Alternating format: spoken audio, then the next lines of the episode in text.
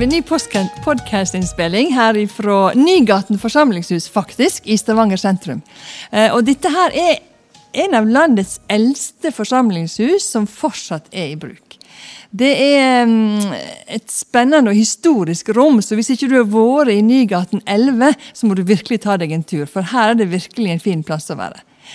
Og nå sitter vi her da med oss tre, Marie og Henrik, og jeg lurte på en ting. Og så er det en del folk i salen òg. Dette er sånn live postkast. Liksom, da. Vi prøver oss på noe nytt nå. Det er jo spennende å prøve noe nytt. Men Henrik ville gjerne helt i begynnelsen jeg skulle spørre hva har du gjort siden sitt, Henrik? Takk for spørsmålet. Veldig godt jeg fikk akkurat det spørsmålet. for det, det hadde jeg håpet på. Nei, vet du hva? Jeg har faktisk fulgt i dine fotspor og vært en plass som heter Slogen.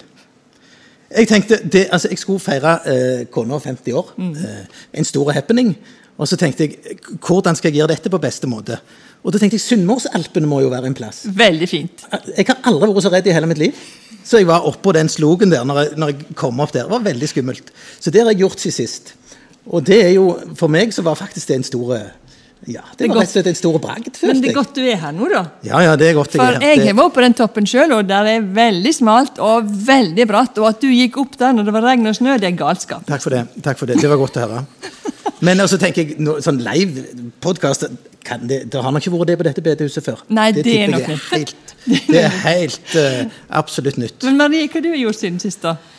Nei, hva har jeg gjort siden sist? Det har vært mye bleieskift, og det har vært mye eh, opptørk av søl og gris, og mye kos med unger. Og så har jeg vært på Dagsnytt 18. Så det er en sånn herlig kombinasjon av eh, mye nært og litt, litt politikk. Ja, hva snakket du om på Dagsnytt 18, da?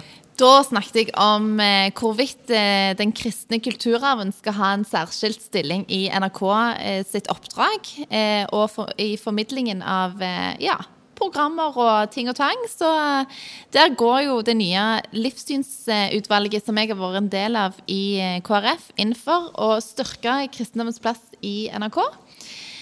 Så det er jo et spenstig forslag. Kanskje ganske så forutsigbart, vil noen si fra KrF. Men jeg mener at det er en superbriljant idé, og det prøvde jeg å sette ord på. Ja, du men du, jeg, jeg, hørte jo, jeg, hørte jo, på deg. og, og det, det, ligger jo ute som en podkast, det òg, eh, det som du har snakket der.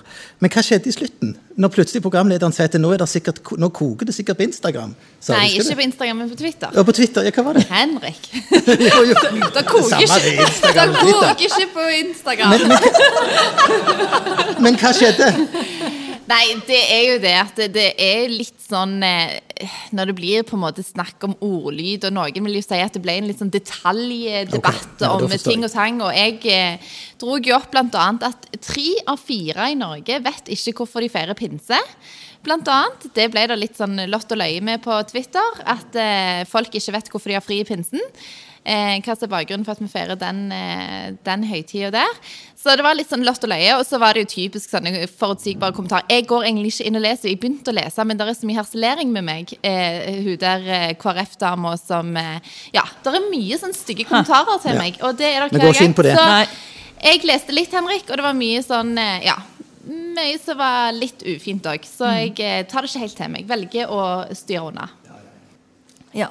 Og jeg har i grunnen bare holdt meg i Stavanger. Jeg har ikke så veldig spennende ting jeg har gjort den siste, siste måneden. Jo, Men, litt eh, spennende. Jeg syns du stadig vet ute på noe nytt jeg kan se på, Facebook. Ja, ja, nå har jeg begynt å starte med YouTube-kanal, så det er jo det eneste. Okay. da, Så det kan jeg jo si siden sist. Det har jeg faktisk begynt med. Ja. ja.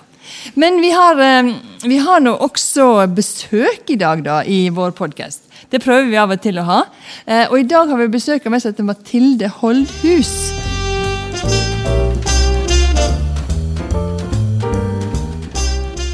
Som er dramaturg på teateret, Rogaland Teater i Stavanger. Og Jeg måtte jo faktisk google da, hva er en dramaturg. Og det bør du nesten fortelle meg, da. Mathilde. Ja, altså Jeg må jo nærmest google sjøl. Helt, helt klar over hva det er, jeg heller. Nei da. Men eh, jo, altså dramaturg jobber på teater er liksom som ofte står fast på teatret og er en slags kunstnerisk rådgiver for teatersjefen og for regissøren i produksjonene, og gjerne òg for skuespillerne. Så dramaturgen følger liksom produksjonen fra vi bestemmer hva vi skal spille, hvem som skal regi, hvem som skal spille i det, og så fram til premieren og se på prøver og sånn. Og ja. vi leser jo veldig mye mm. eh, manus for å komme med gode forslag til hva vi kan spille, og så ja, gjelder liksom å være oppdatert da, på både verdensdramatikken og liksom det siste nye. Så, Ja. ja. for at Grunnen til at vi inviterte deg, da, det er fordi at Rogaland Teater har satt opp et stykke som heter 'Det siste fotografiet'. Og Det skal flere av oss gå og se nå i, i begynnelsen på oktober. Eh, og Det er jo et interessant stykke. Kan ikke du si litt om eh, hva er det som på en måte er essensen i det stykket? Ja, altså, Det siste fotografiet er egentlig òg en dramatisering av en bok, eller egentlig av to bøker, av eh, Det hvite badehuset og Det siste fotografiet av Thorvald Steen. Si litt om hvem er Thorvald Steen? Ja, Thorvald Steen er jo en eh, egentlig ganske kjent forfatter. Eh, sikkert flere av dere som kjenner til eh, arbeidet hans. Eh, disse to bøkene er de er litt sånn nesten selvbiografiske, men det handler om hans, eh, hans liv og hans familie. Og eh, som kanskje mange vet òg, så har han en muskelsykdom. Så han eh, eh, sitter i rullestol, og eh, denne muskelsykdommen er da arvelig. Så mye av eh, bøkene og dette stykket da handler om hvordan denne sykdommen og det har blitt på en måte for tida gjennom generasjoner. Eh, og hvordan han forsøker å ta et oppgjør med sin mor. Og det er jo sånn med genetiske sykdommer at eh, da vet jo kanskje mor og, og bestefar og onkel eh, ting som kan gjøre det lettere for hans datter og hans barnebarn igjen. Og både leve med sykdommen, men òg å kanskje finne en kur, da. Men når ingenting blir snakka om og alt blir lagt lokk på, så, så er det vanskelig. Så det er et slags sånn familieoppgjør òg, på en måte. Ja. Hm. ja, for klart Det er jo interessant at dere setter opp det stykket. Hva er det som gjør at eh, Rogaland Teater velger å sette opp et sånt stykke? Ja, altså det, det akkurat sånn Teknisk sett er det jo en sånn lang prosess med en regissør, og man leter litt. Men det er klart at det Tematikken tenkte jeg særlig på. Ja, ja det, eh, det var det jeg skjønte at du kanskje fiska etter. eh, nei, det er selvfølgelig det, det er jo interessant å se litt andre historier enn klassiske dramaer, kjærlighetshistorier. Det er jo mye sånne, sånne ting i verdensdramatikken. Så det, det er jo ikke så ofte kanskje man ser en rullestol på scenen, eller at man ser eh, Får høre om andre typer liv andre typer skjebner. Um, så det er jo absolutt en, en uh, interessant men, ting. men, men er det noe med at det er dagsaktuelt, på en måte? At en føler at det er virkelig i tida, disse spørsmålene her, som, at, som gjør at teateret ønsker å Ja, det er det jo alltid, på en måte. Og, og ting blir jo dagsaktuelt òg med en gang det spilles. Man Ja. får en sånn forsterkende effekt med en gang noe blir eh, satt lys på på den måten som, som man kan gjøre på teater. Og det er klart at det er jo en evigvarende debatt, og vi var jo midt i prøveprosessen når, eh, når denne her eh, NIPT-testen og når det ble gjort dette vedtaket. Så det er jo klart at en sånn, eh, en sånn type test eh, vil jo kanskje gjøre noe med, med, med den type diagnoser, da. Eh, Så det er klart at det kjentes jo veldig aktuelt når, man, når vi jobbet med det. Ja, veldig bra. Vi gikk jo litt fort kanskje inn i um, teaterstykket, da. Ja. Men jeg tenkte egentlig at uh, vi skal høre litt mer om hvem du er, Mathilde. For du er dramaturg, ok, og så vet jeg at du er Stavanger-jente. Uh, og så har du en viss samboer, som Ja. vi kjenner litt i politikken. Og det er Ja, det, det er jeg sammen med, med Mimir Kristiansson. Ja, Så det er kanskje flere av dere som kjenner han. Han er jo god til å gjøre seg kjent. Han er god til å gjøre seg Ja. Han kan det. Ja, det er han god til. Ja, nei, det Jeg vet ikke om vi skal dele noen spennende detaljer fra livet, men Ja. Har du eh, ja. noen spennende detaljer fra livet? Nei, det er Livet er jo litt kjedelig, da, kanskje. Men du, dere er for foreldre til ei jente på tre Ja. år? Så vi har, bor oppe på Stokka der og koser oss med det, og flytta hjem for et eh, års ja, litt mer enn et år siden. Em, Og den jobben du fikk, da, bare for å si det, for nå har jeg prøvd å satt meg litt inn i dette, da. Den jobben hadde din foregangsmann hadde hatt i 30 år. Ja. Så disse jobbene som dramaturg de vokser ikke på, på tred. Hva heter?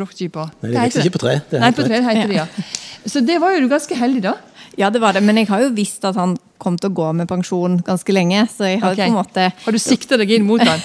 Ja, det er jo kanskje litt sånn stygt sagt, men eh, Nei, men det er klart at man har jo en, eh, en viss oversikt. Vi er vel rundt 40 mennesker i, i Norge som kaller oss for dramaturger.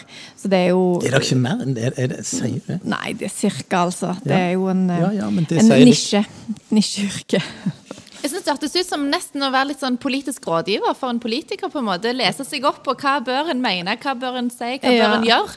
Og komme med de innspillene som er gode. Jeg syns det minte litt om det. Men Ja, det kan, eh, eh, vel, eh, interessant å vite litt mer om det. Ja, men mange sammenligner med det, eller kanskje en sånn forlagsredaktør òg. Som man jobber tett på eh, kunstnerne, på en måte. Altså det som er veldig digg, da, er at det jo eh, ikke har noe sånn formelt ansvar. Sånn at man kan jo liksom både mene veldig mye om ting, eh, og så hvis ting går i dass, så er det litt sånn ja, det er ikke mitt ansvar. Eh, men motsatt, når ting går veldig bra, og man føler at man har jobbet utrolig mye, så er det heller eh, er det kanskje ikke sånn veldig mye anerkjennelse for det. Sånn at det er et sånt eh, Du er litt i kulissene, på en måte. Ja. Og så litt en sånn 'hva var det jeg sa'-karakter som går rundt og, og sier det. Er du veldig sånn altså hvordan, når, Før dette skal ha premiere, og sånn, hvordan har Mimir det da? Er du mest uhåndterlig da? Nei. Altså, jeg Altså, dette var en veldig fin og grei prosess, og skjønte at vi kom til å komme i mål en god stund før premiere og sånt, men det, det er klart det fins jo eh, mer opprivende prosesser og mer eh, eh, dette var en prosess som var veldig preget av koronasituasjonen, så den, den ble veldig enkel, og det, det er egentlig veldig kler stoffet veldig godt. Men det er klart at har du en svær teknisk eh, ting med mange skuespillere og høy prestisje, og, og som skal være sånn flaggskipforestilling, så er det klart at da er man mer nervøs. Ja, for Noe av det som gjør oss litt interessert i dette stykket som KrF-politikere, er også det der, eh, dette med menneskeverd. og dette her med at eh, Når folk er ut, altså, på en måte utenfor samfunnet, og det å på en måte gi dem en stemme og gi dem en scene, Mm. slik at vi får liksom fram disse her ulike dilemmaene som vi faktisk blir satt overfor. Ja. Og jeg synes Det er veldig prisverdig at teateret har gjort det. Nå har jeg ikke sett eh, stykket sjøl, vi skal se det om en stund. Men, men um, er det noe mer sånn grunnleggende tanke bak akkurat det? Ja, altså, vi, vi prøver jo å finne historier eh, eh, som eh, ja, som kan på en måte speile samfunnet vårt. Da. Det er vel det som er samfunnsoppdraget. Eh, sånn at da gjelder det jo å, på en måte prøve å se ut, utover vår egen nesetipp, og, og selvfølgelig òg utenfor eh, ja, den klassiske eh, litteratur- og dramatikkhistorien, som jo er prega av folk holdt på å si, Mye som konger og mye borgerskap og mye Ja, det er jo en slags sånn overklassesport, har jo teatret litt vært. Det fins jo masse sånn folkelige understrømninger òg, men det, det, er klart at det, det, er mye konger og prinser og, og, Og så kommer det en, en biografi av en som har en muskelsykdom. Ja. Som sitter i rullestol og som på en måte Ok, vi kan tenke litt sånn så han, han eh, Vi kan tenke hva, hva kan den bidra med? Ja. Og det er jo det er veldig jo en- interessant. En fin eh, Alle har jo sitt liv og sine problemer, og, og det som jeg syns har blitt fint med forestilling, som òg er veldig fint i, i bøkene, er jo hvordan det blir et slags, den sykdommen blir et slags sånn prisme inn i et liv, og inn i en, en familiehistorie. Eh, og eh, kanskje ikke spoile for mye, da, men han der bestefaren hans fikk jo diagnosen syflis. At det var, det var en slags sånn sekkediagnose man ga mennesker som man ikke visste hva som feilte. Og syfilis var, er jo en kjønnssykdom, så det er jo klart at det er jo en veldig belasta diagnose. Ganske skamfullt. Ja, Og en diagnose som er selvforskyldt. Ja. Sånn at det er jo det som er et, et slags eh, taktskifte nå, at man i mindre grad tenker på på sykdommer som selvforskyldt eller typ sånn, en straff av Gud. Men, men at det er, det er rammer helt vilkårlig, og derfor òg er noe som, som man trenger å få høre mer om. Eh, ja. Ja, for i dag så hadde, var jeg på et seminar som Pårørendesenteret hadde i Stavanger. Og Da var det en av disse som snakket, som sjøl hadde en uforståelig muskelsykdom. Eh, og som hadde begynt å oppdage det når han var sånn midt i tenåra. Mm. og så hadde han da nå kunnet sitte mer eller mindre i rullestol innimellom. Og så hadde han da fått barn, og nå var deres barn også hadde fått denne sykdommen. Eh, og da var det som spurte han ja, vurderer du virkelig å få barn. Da har han sagt svart ja, altså hvis jeg tenkte at mitt liv var dårlig, da ville jeg kanskje ikke vurdert det. Men siden jeg opplever at mitt liv faktisk har en verdi, så da, da er ikke det så komplisert. Og Det synes jeg var en ganske interessant eh, refleksjon. Jeg har ikke tenkt sånn. altså, Når du kommer opp i det, så må du tenke på ting. Du må virkelig, virkelig ta et standpunkt til det. Ja, og den diskusjonen har jo òg Torvald med sin kone, og han har en datter som òg har sykdommen, som òg vurderer om hun skal ha barn eller ei. Mm. Eh, og det er jo veldig vonde på en måte samtaler, men det, det koker jo ned til det samme. At eh, man er glad i sitt liv, man vet at man bidrar i, i samfunnet. Og en partner som jo elsker deg, og som jo syns du er helt topp, og mm. gjerne vil ha barn som òg har mange av de egenskapene man har. Mm. Um, og Thorvald Steen har jo vært en, er jo en enormt viktig eh, si, karakter i norsk kulturliv og ja, samfunnsliv. Så det er jo ja. Jeg vet ikke hva som gjør det, men når jeg leste det stykket, den anmeldelsen i Aftenbladet om at dette var et stykke om, så tenkte jeg meg en gang dette skal jeg gå på. Og det meg ikke alltid jeg gjør det når det gjelder teaterstykker. Eh, noen har jeg sett før, og sånn, men, men jeg, jeg, følte ganske sikkert at dette var interessant. Mm. Rett og slett. Og det er jo Og så er det Selvfølgelig det er det, sånn, det, det er vanskelig å snakke om òg. Altså, det er skumle greier, for, for, det er noen mennesker der som, som på en måte dette, dette, er helt reelt for noen mennesker, akkurat mm. dette. Å ta det inn over seg når vi har det sånn ja, sånn som jeg føler jeg har det sjøl, det, det, er veldig viktig. Og, og teateret er en uh, utrolig god formidlingsarena. Uh, det, det, hver gang jeg har vært der, så tenker jeg at her går jeg for sjelden. Ja. Og så tenker sånn jeg at det er, så, det er så bra òg at uh, en opplever at det er karakterer som f.eks. har en rullestol, da. Fordi at det er det som jeg opplever, iallfall i møte med mange som snakker med KrF, og som, eh, ja, som jeg òg bare er blitt kjent med, som har, som har, eh, begrensninger som gjør at en sitter i rullestol, så sier jeg at det, når folk møter meg, så møter de bare en stol. Altså, De ser bare stolen og ser ikke liksom meg som person, eller eh, har et annet handikap som gjør at det, en gjerne må benytte seg av noen hjelpemidler så er det liksom det som blir definisjonen av personen. Eh, og det tenker jeg at det er så bra. Og jeg satt og så på 'Brannmann Sam' med guttene mine her om dagen. Og der er det liksom en steinkule karakter nå som er kommet i 'Brannmann Sam', som sitter i rullestol. Og jeg syns bare det var en sånn veldig lite grep. Men sant, i barne-TV, som de ser på, som jeg ser mye sammen med de, så er det jo ganske sånn A4, forutsigbare karakterer og osv. Og, og bare det lille grepet der syns jeg var liksom så kult, for ungene de reagerer ikke på det. Men jeg tror at det må til liksom litt at vi, ja. vi ja, lever i et samfunn som aksepterer at vi er ulike, og, og, og, er avhengig av ulike eh, verktøy for å få hverdagen til å gå i hop. Det tenker jeg er Veldig en fin viktig. ting på teateret og i mm. Brannmann Sam. Og at og eh, vi som mennesker er bevisste på å se mennesker, og ikke bare Ja, og ja. tenker også det som vi, Nå er det jo vårt program Skal vi danse, der hun eh, Ja, det kom jeg jo på, faktisk. Nei, Skarstein. Skarstein, ja. Hun som sitter i rullestol, og som har hatt en, en ryggoperasjon. Eh, og Det var jo så mye kritikk i forkant. Skal hun virkelig være med på Skal vi danse? Hvordan skal dette bli?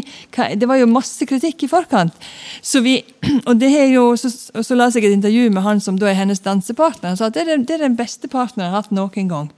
Og det utfordrer han som danser i forhold til det å gjøre andre ting, tenke annerledes og samtidig involvere dette på denne måten. Det var helt rørende å lese, faktisk.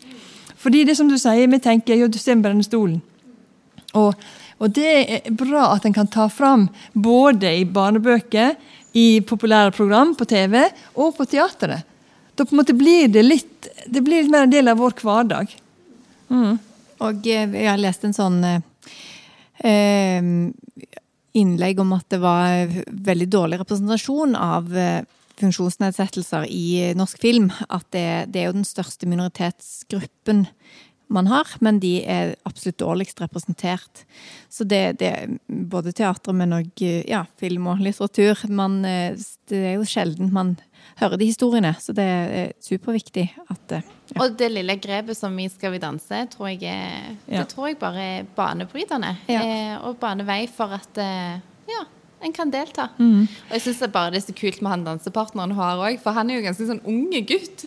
Men han bare eier det sånn, og det er så kult. For hvis han gikk der litt sånn usikker og visste ikke helt hvordan han skulle håndtere det, men han bare eier rollen, så det er kult. Ja, veldig bra. Nå sitter vi her, sitter vi her på Nygassens forsamlingshus, og det er jo noen folk i salen òg. Og vi tenkte hvis noen har noen spørsmål eller noen sånne kommentarer, så hadde det vært veldig fint. Eh, tenk litt på det, da, og så kan dere heller gi tegn. Så skal vi slippe dere til. Eh, for det er jo et viktig tema vi snakker om, og for oss som er KrF-politikere er dette faktisk ganske viktig. Eh, og at vi kan få det på ulike arenaer, som du sier, Marie, både i barnebøker og på populære program og på teatret.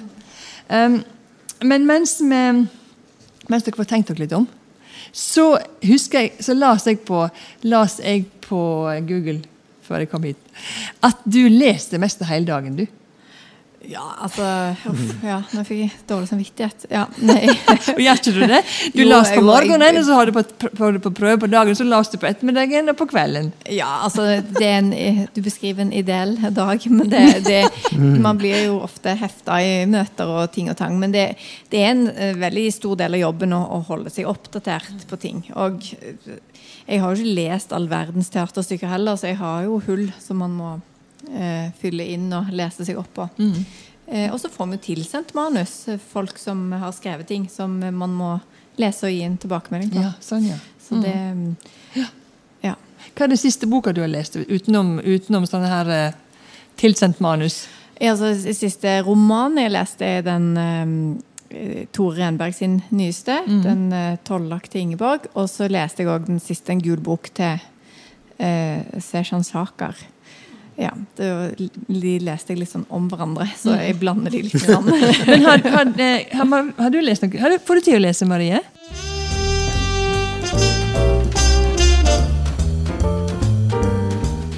Lite, men jeg har veldig lyst til å lese Tor Renberg siste bok. Den har jo fått enormt gode kritikker, og han eh, Den eh, Ja, den syns jeg er verdt å lese. Tor Renberg sitter jo i bystyret med oss òg, så det aktualiserer det jo enda litt Ja. mer. Kommunestyret, unnskyld, Henrik. Kommunestyret. Vi må ha oppdatert Henrik? på hva Tore- Hva er det du leser? Nei, vet du hva, det har ikke blitt mye tid til lesing av bøker i det siste. altså. Du er Det blir mye sakspapirer. Det blir mye sakspapirer. Eh, det gjør det. Men så ser jeg litt på jeg ser jo litt på serier, og sånn, men det blir noe litt annerledes. Det er litt Gå på teatret, da, så Ja, får du det med deg akkurat det, uten det var det jeg ville si nå. Eh, Ja. Nå kommer jeg til å satse litt på teatret, faktisk. Ja, det var Og ikke vi skal, jo, vi skal jo gå andre Ja, oktober, så, vi skal det. så se denne. Sånn. Um, I dag så satt jeg og leste i denne boka til Jakob Aano, da, eh, som var ganske interessant. Han var jo en, en stortingspolitiker for KrF og fikk gjennomført ganske mye. Så det var, en, det var en spennende lesing faktisk i disse tider. Men er det noen som har noen kommentar eller spørsmål fra salen? Jeg tenker, jeg tenker litt sånn uh, Må du få komme til ordet. Ja, ja, skal vi vente? Nei, det var tull. er det noen som har noen kommentar? Nei, snakk du. Nei, jeg bare, jeg bare tenker litt sånn ehm, i, I denne verden som vi lever i nå, med, med nye, eh, nye teknologiske løsninger for, altså, bare noen tanker rundt det. Ser vi på det som noe skummelt, eller som en mulighet? Altså, tenker du i sånn eh, Ja, nå tenker jeg for handikappa. Ja. altså, medisin utvikler seg, alt dette her. Er, er, det noe, er det noe Er det skremmende, eller blir alt bedre? Ja, altså det, det Jeg tenker at noe blir bedre og noe blir dårligere. Men jeg tenker òg at det, det er viktig hvordan man ser på de endringene. F.eks.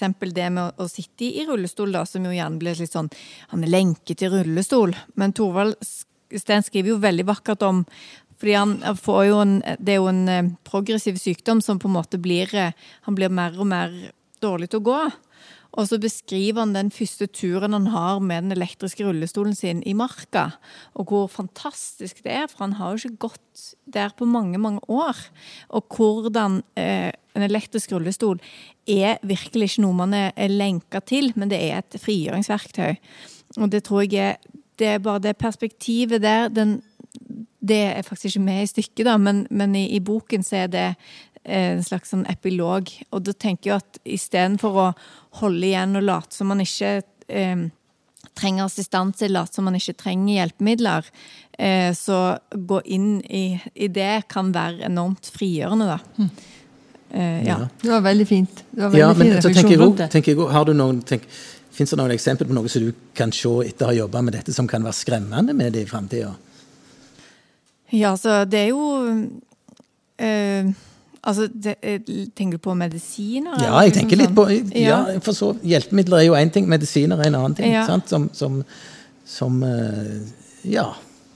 Ja, Nei, men altså, Jeg har ikke sånn inngående kunnskap om det, men jeg tenker jo at liksom man, man får noe og man mister noe. Og så er det jo dette forskjellen med hva som er på individnivå, hva som er viktig i ens persons liv, eh, og hva som er viktig i samfunnet. Jeg tenker jo at det er veldig viktig å ha eh, mange forskjellige kropper og mange forskjellige historier i samfunnet.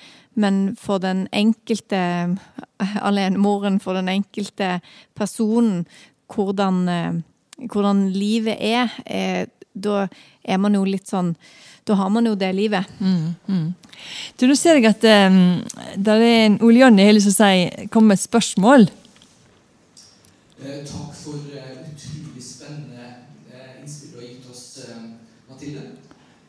som dramaturg så har du kanskje også gjort deg refleksjoner om hva slags rolle teatret spiller i, i vårt moderne samfunn. Vil du si at teatret har blitt vår tids verdiformidler? Hvilke tanker har du rundt det spørsmålet? Da må jeg bare gjenta spørsmålet, sikker på at lytteren også får det med seg. Og Da stiller Ole Jonny spørsmålet om teatret har blitt en verdiformidler i vår tid, i forhold til å ta opp aktuelle spørsmål og problematikk. Det var jo veldig bra. Sånn, eh, det kunne vi hatt som sånn tagline på, på, te, på teateret. En slags sånn, et slagord, heter det. Ja, altså både ja og nei. Altså, kunsten er jo fri, sånn at uh, det ville være veldig vondt og vanskelig om vi uh, måtte liksom være en slags uh, Ja, jeg vet ikke, en, en verdiformidler på den måten. Men jeg syns jo at under koronakrisen så har vi jo merket at vi ikke klarer eller egentlig er interessert, eller at publikum er interessert, at vi skal legge om til heldigitale løsninger. Man savner veldig å være sammen. Publikum savner hverandre, og også vi savner de. Vi merker at en, hvis man kan snakke om en verdi i teatret, så tror jeg det handler om det fysiske, gammeldagse møtet. Eh, der man ikke har mobilen med seg, der man eh, ja, opplever noe sammen. Og det tror jeg er en eh, liksom har, eh, iallfall for meg, det siste halve året stått fram som en, den viktigste verdien i teatret. Men det er klart at det er jo òg eh, innholdsmessig i produksjonene. Eh, prøver vi jo å, å, lage ting som er spennende og interessant, og da er det jo ofte ting som ja, der verdimotsetninger møtes, kan du si. Du kan jo skape debatt òg, og du har gjort også mm. litt debatt, denne, ja. denne oppsetninga, der jeg kritiserer det der med å ha en rullestol på scenen, hvorfor skal det være sånn? Mm. Og dette her med å diskutere er det sånn, ja, er det dette teater skal brukes til? Ja. Så det er jo interessante debatter som faktisk kommer i kjølvannet av dette. Ja. Men vi går egentlig inn for litt landing nå, eh, tenker jeg. Um, har du noe um, Hva tenker du, Marie, etter denne samtalen? Jeg tenker at jeg gleder meg til å se dette stykket. Og så tenker jeg, eh, sitter jeg og reflekterer litt over mitt eget eh, engasjement. fordi at jeg eh, har jo eh, hele livet mitt hatt et veldig engasjement for det at alle skal få lov å være velkommen inn i verden. Men at det òg skal være et veldig godt tilbud når en kommer inn i verden med ulike forutsetninger for å håndtere livet. Eh, sånn at det en må følge opp i neste ende hvis en sier at alle skal få lov å ha plass i dette samfunnet, er jo virkelig å skape det rommet og skape den plassen. Så jeg er veldig glad for at eh, teateret tar det valget av å på en måte presentere en, en gruppe mennesker som ikke nødvendigvis har noen å identifisere seg med i teater og i film osv. Så, videre. så jeg tenker at eh, ja, jeg ser det litt i sammenheng med mitt engasjement for, for menneskeverdet òg før, før eh, en blir født, eh, og at en skal få lov å ha livets rett. Du da, Henrik? Nei, jeg syns det er som sagt, når jeg leste det sto i Aftenbladet, så tenkte jeg dette stykket skal jeg gå på. Og det er utrolig viktig at en setter dette på, på dagsorden. For det er noen utrolig, eh, utrolig spennende og, og, og, viktige spørsmål å stille seg.